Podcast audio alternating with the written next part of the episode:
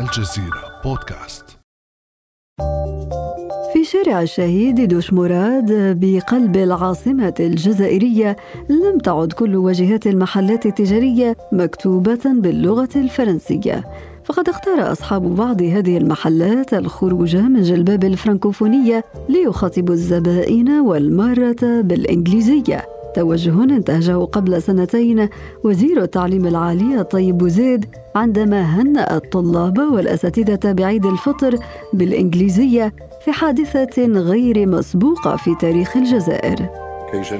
عيد الفطر I would like to convey my sincere بمناسبة عيد الفطر أتقدم بتمنيات الخالصة إلى كل أعضاء الأسرة الأكاديمية من أساتذة وطلبة وإداريين وعمال وإلى كل أخواتنا وإخواننا في الجزائر وفي العالم.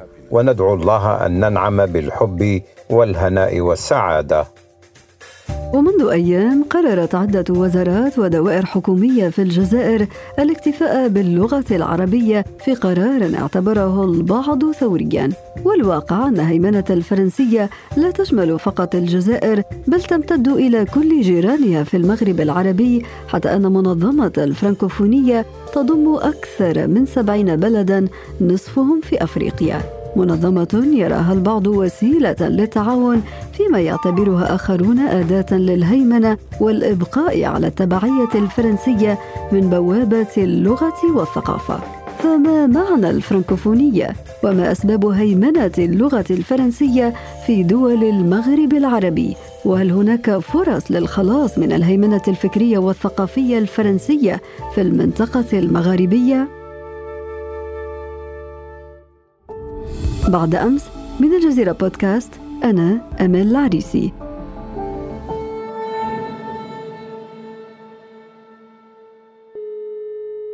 ويسعدني أن أستضيف معي في هذه الحلقة الدكتور نور الدين بكيس أستاذ علم الاجتماع السياسي بجامعة الجزائر. أهلا وسهلا بك دكتور نور الدين. أهلا أهلا ومرحبا بكل مستمعيكم. هذه المرة هذه الحلقة خالية من الفرنسية. دكتور نور الدين هل تعدني بذلك؟ سوف أحاول. نعم. بداية دكتور نور الدين لو نشرح مفهوم الفرنكوفونية ومدى ارتباطها باللغة الفرنسية. اولا بكل بساطة الفرنكفونية هي نتيجة امتداد للاستعمار الفرنسي. فرنسا كانت دولة قوية عظمى يمتد نفوذها لعدة دول وفي عدة قارات. بعد تراجع الاستعمار كان لزاما أن تبقى اللغة الفرنسية. وسيلة من أجل إبقاء النفوذ أو المحافظة عليه. فكان التفكير بمنطق هل يمكن صناعة نموذج أو مؤسسة أو فضاء لكل من يستعمل الفرنسيه سواء كانت دول أو جماعات أو أفراد. آنذاك ظهرت فكرة ظهرت مدرستين انقسم هذا الطرح إلى مدرستين. هناك مدرسة تفكر بمنطق يجب أن نترك الفرنسية وكأنه فضاء حضاري ثقافي للجميع دون قيادة دون توجيه دون توظيف سياسي. لكن كان هناك دائما نزعة براغماتية تعبر عن مدرسة أخرى تفكر بمنطق آخر وهو يجب أن نستعمل كوسيلة استراتيجية من أجل الإبقاء على النفوذ وتحقيق المصالح الاستراتيجية للدولة الفرنسية. طيب دكتور نور الدين تحدثت عن الخيار الاستراتيجي. هل هذا الخيار هو الذي ارتبط بأحداث فرنسا لمنظمه الدولية للفرنكوفونية؟ أكيد لأنه يحتاج إلى عمل مؤسساتي كي لا يكون مبعثر لأنه وراء هذا الخيار هناك شروط. خفيفة نوعا ما من أجل المشاركة ولو كعضو لأنه المشاركة في هذا الخيار كعضو في هذه المؤسسة كعضو لا يقتضي أن تستعمل الفرنسية لكن الهدف الرئيسي هو إيجاد فضاء مؤسساتي يستطيع التدخل يستطيع التنسيق يستطيع التمويل ويؤطر هذا النفوذ وهذه القيمة المضافة التي لا يمكن لأي دولة عاقلة أن تتنازل عنها. لذلك الفضاء بقي يستمر وازدادت الأعداد الدول والمنظمات المنخرطة فيه. حتى اليوم نستطيع أن نعد قرابة 80 دولة.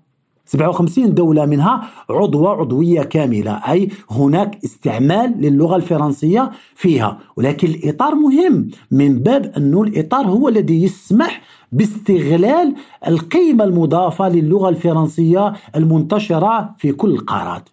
تحدثت عن أكثر من ثمانين دولة منخرطة في المنظمة الدولية للفرنكوفونية.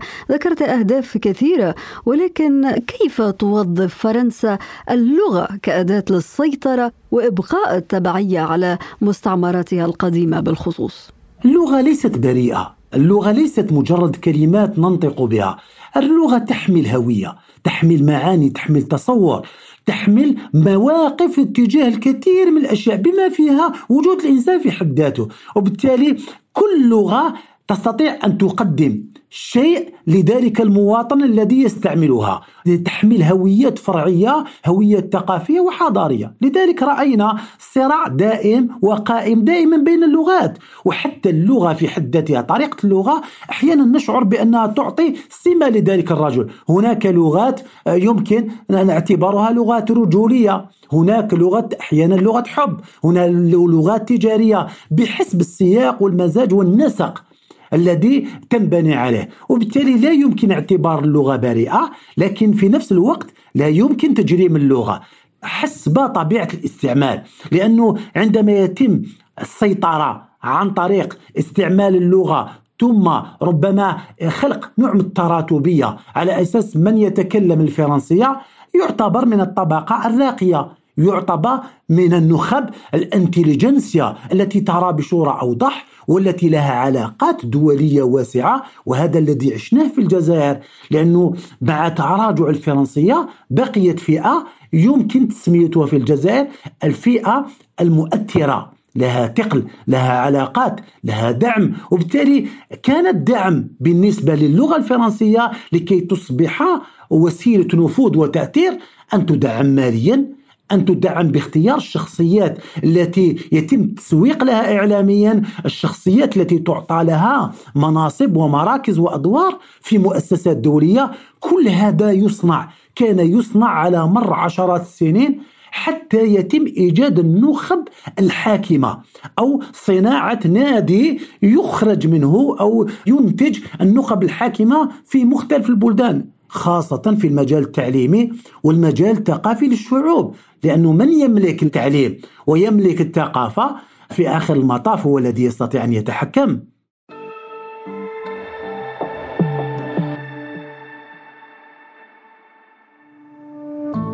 ابقى على تواصل مستمر مع الجزيرة بودكاست ولا تنسى تفعيل زر الاشتراك الموجود على تطبيقك لتصلك الحلقة يومياً.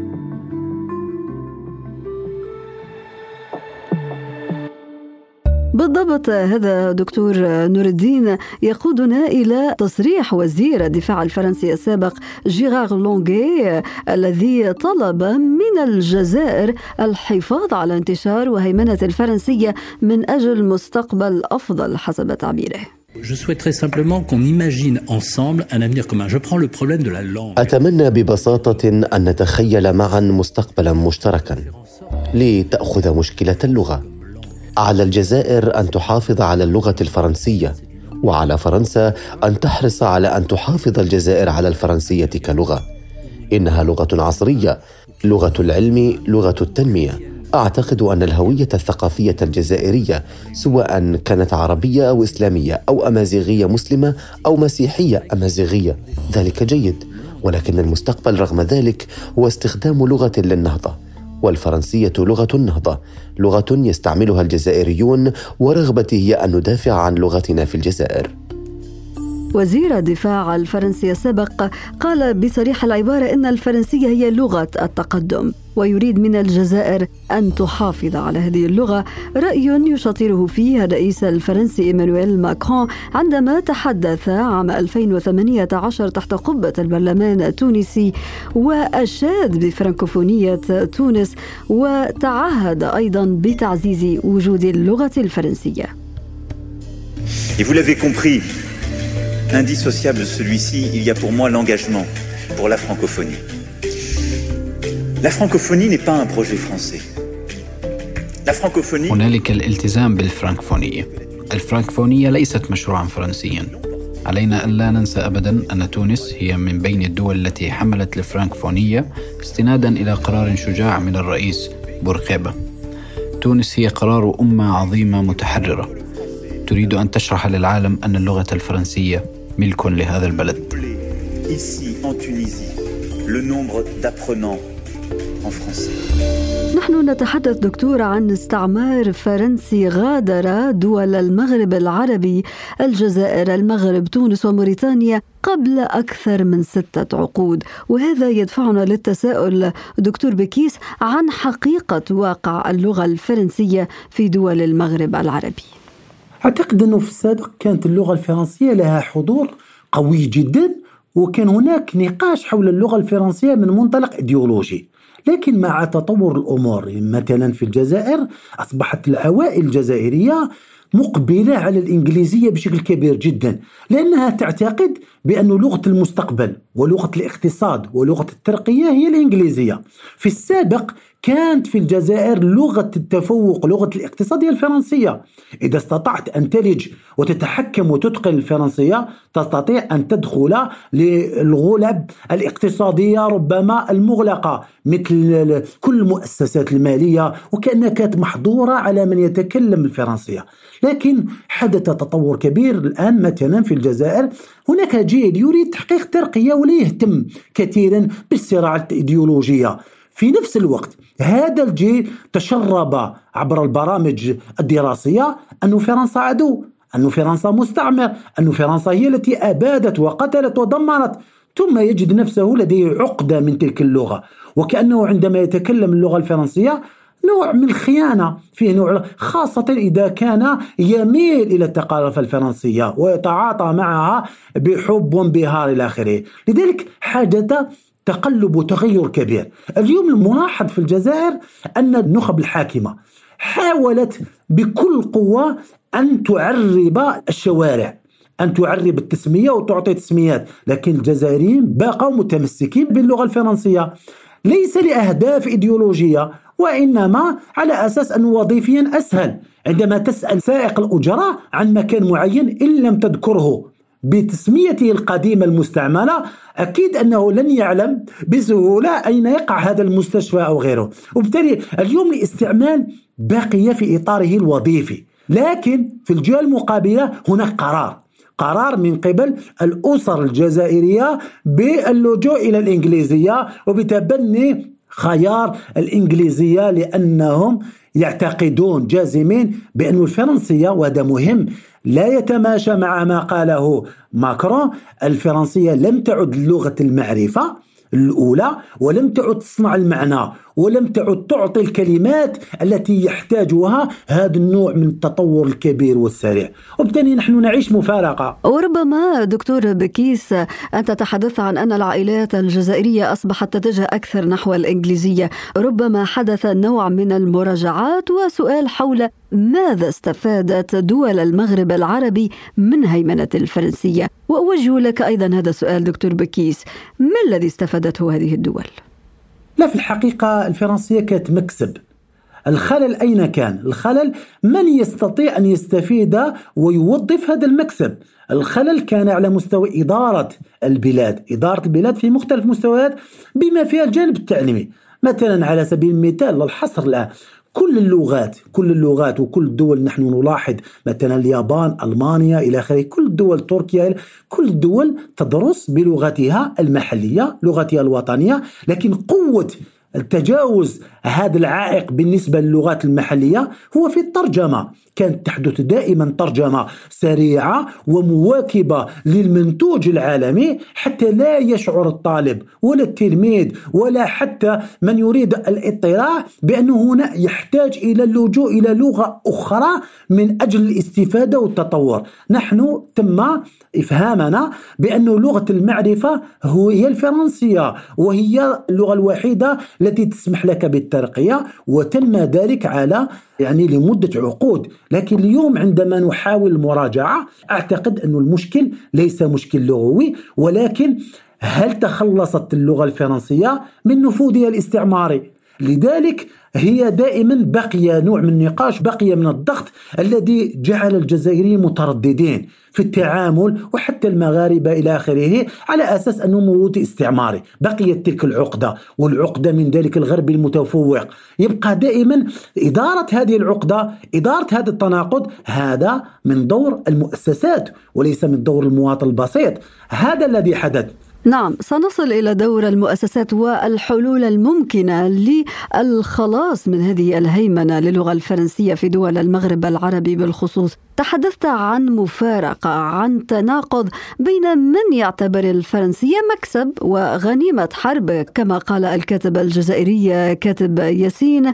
ولكن السؤال المطروح هنا هو كيف يمكن أن تنجح هذه الدول في تعميم استخدام اللغة العربية والخروج كما ذكرنا في البداية من جلباب الفرنكوفونية. أعتقد أن هناك توجه، هناك نوع من رجوع مجتمعات عربية وخاصة المغاربية إلى إعادة الاعتبار إلى اللغة العربية وقد رأينا ذلك بشكل واضح يكفي الاطلاع على شبكات التواصل الاجتماعي.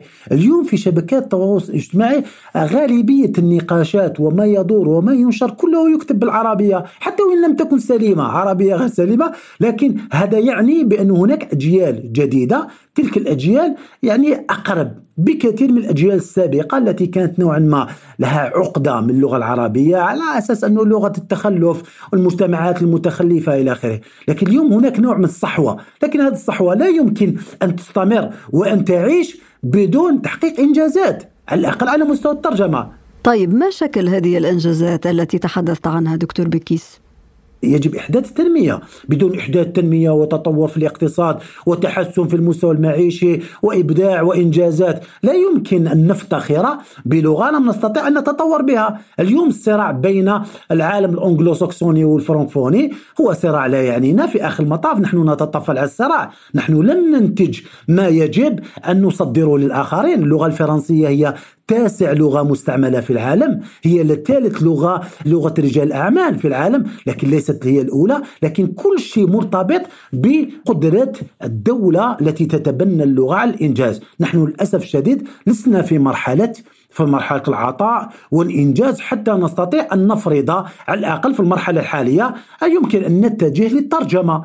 كي لا يذهب أبناءنا ولا تجد الأجيال صعوبة في تلقي المعرفة المتطورة لأن كل الدول اليوم تشهد الحركة التي تريد التنمية تشهد حركة كبيرة للترجمة خاصة وأننا لدينا عقدة اللغة الفرنسية وخاصة وأنه لدينا تقسيم في الجزائر وظيفي مهني للغة لأنه هناك طريقة أي لغة تتحكم بها هي التي تضمن لك نسبيا أو تحدد مسارك المهني وأين تتجه هناك الكثير من المسارات المحدودة فقط على من يتقن الفرنسية ومستقبلا سوف تكون هناك فضاءات خاصة مهنية لمن يتقن الإنجليزية. وبالتالي جزء من المشكل هما نحن. نحن لم نتصرف بطريقة ذكية لأنه يمكن تصفية هذه اللغة. رأينا مثلا الكثير ممن يحسنون الفرنسية ويكتبون الفرنسية وأبدعوا في ذلك يحاربون الفرنكفورنية. يحاربون الاستعمار يقاومون وقد قوة تمت مقاومة الاستعمار في الجزائر وفي فرنسا باللغة الفرنسية. خلاصة نقاشنا دكتور بكيس هي أن التعدد اللغوي لا يمس إطلاقا بمحتوى اللغة الأم. وبالتالي أريد أن أسألك عن رسالتك للأجيال القادمة. كيف يمكن لها أن تحافظ على لغتها الأم؟ كما ذكرت أن تكتب بهذه اللغة حتى وإن أخطأت. تكتب بأخطاء هذه اللغة. وتحاول الخروج من كما ذكرنا في البداية من جلباب لغة موليير. هي من المفروض أن تعطى الفرصة بشكل حقيقي للشباب لهذه الأجيال يعني المعطاءة القادرة على تغيير الكثير من الأشياء لأنه الأجيال الجديدة تتميز بقيمة مهمة وهي أنها غير معقدة من الماضي غير معقدة من الموروث الثقافي وهي تميل للتعاطي الإيجابي مع كل ما يخدم الأمة. لقد رأينا الأمور هذه بشكل واضح جدا يعني عدة محطات أكدت ذلك. وبالتالي أحيانا نحتاج جزء من الثقة نحتاج إعطاء الثقة في هذا الشباب وتركهم توفير الفضاءات الكافية من أجل البروز والإبداع. ويكفي أن الجاليات العربية الموجودة في أوروبا وفي الولايات المتحدة الأمريكية استطاعت أن تتميز في كل المجالات والأفضل من ذلك أنها حافظت على هويتها. وأعتقد أن الغرب اليوم يشتكي من أن هذه الجاليات لا تريد التنازل عن الكثير من الموروثها الثقافي الذي يصطدم مع ثقافة العلمانية وثقافة التغريبية. أعتقد أننا في الخط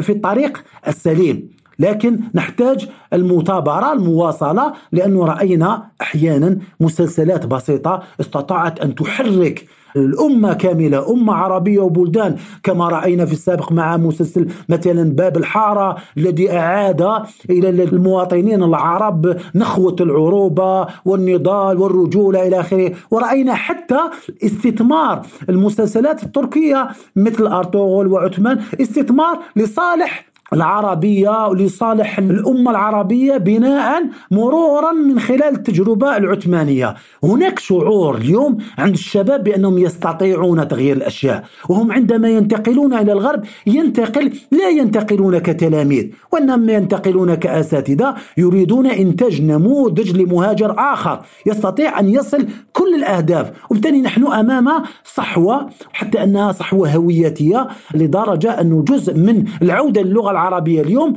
غير مبني على عقلانية وإنما مبني على محاولة رد الآخر الرد على الشعور بالدونية أمام الآخر. هذه كلها مكتسبات تحتاج لمؤسسات من أجل تتمينها وإلا تبقى مجرد هبات عاطفية ورغبات لا تجد أذان صاغية.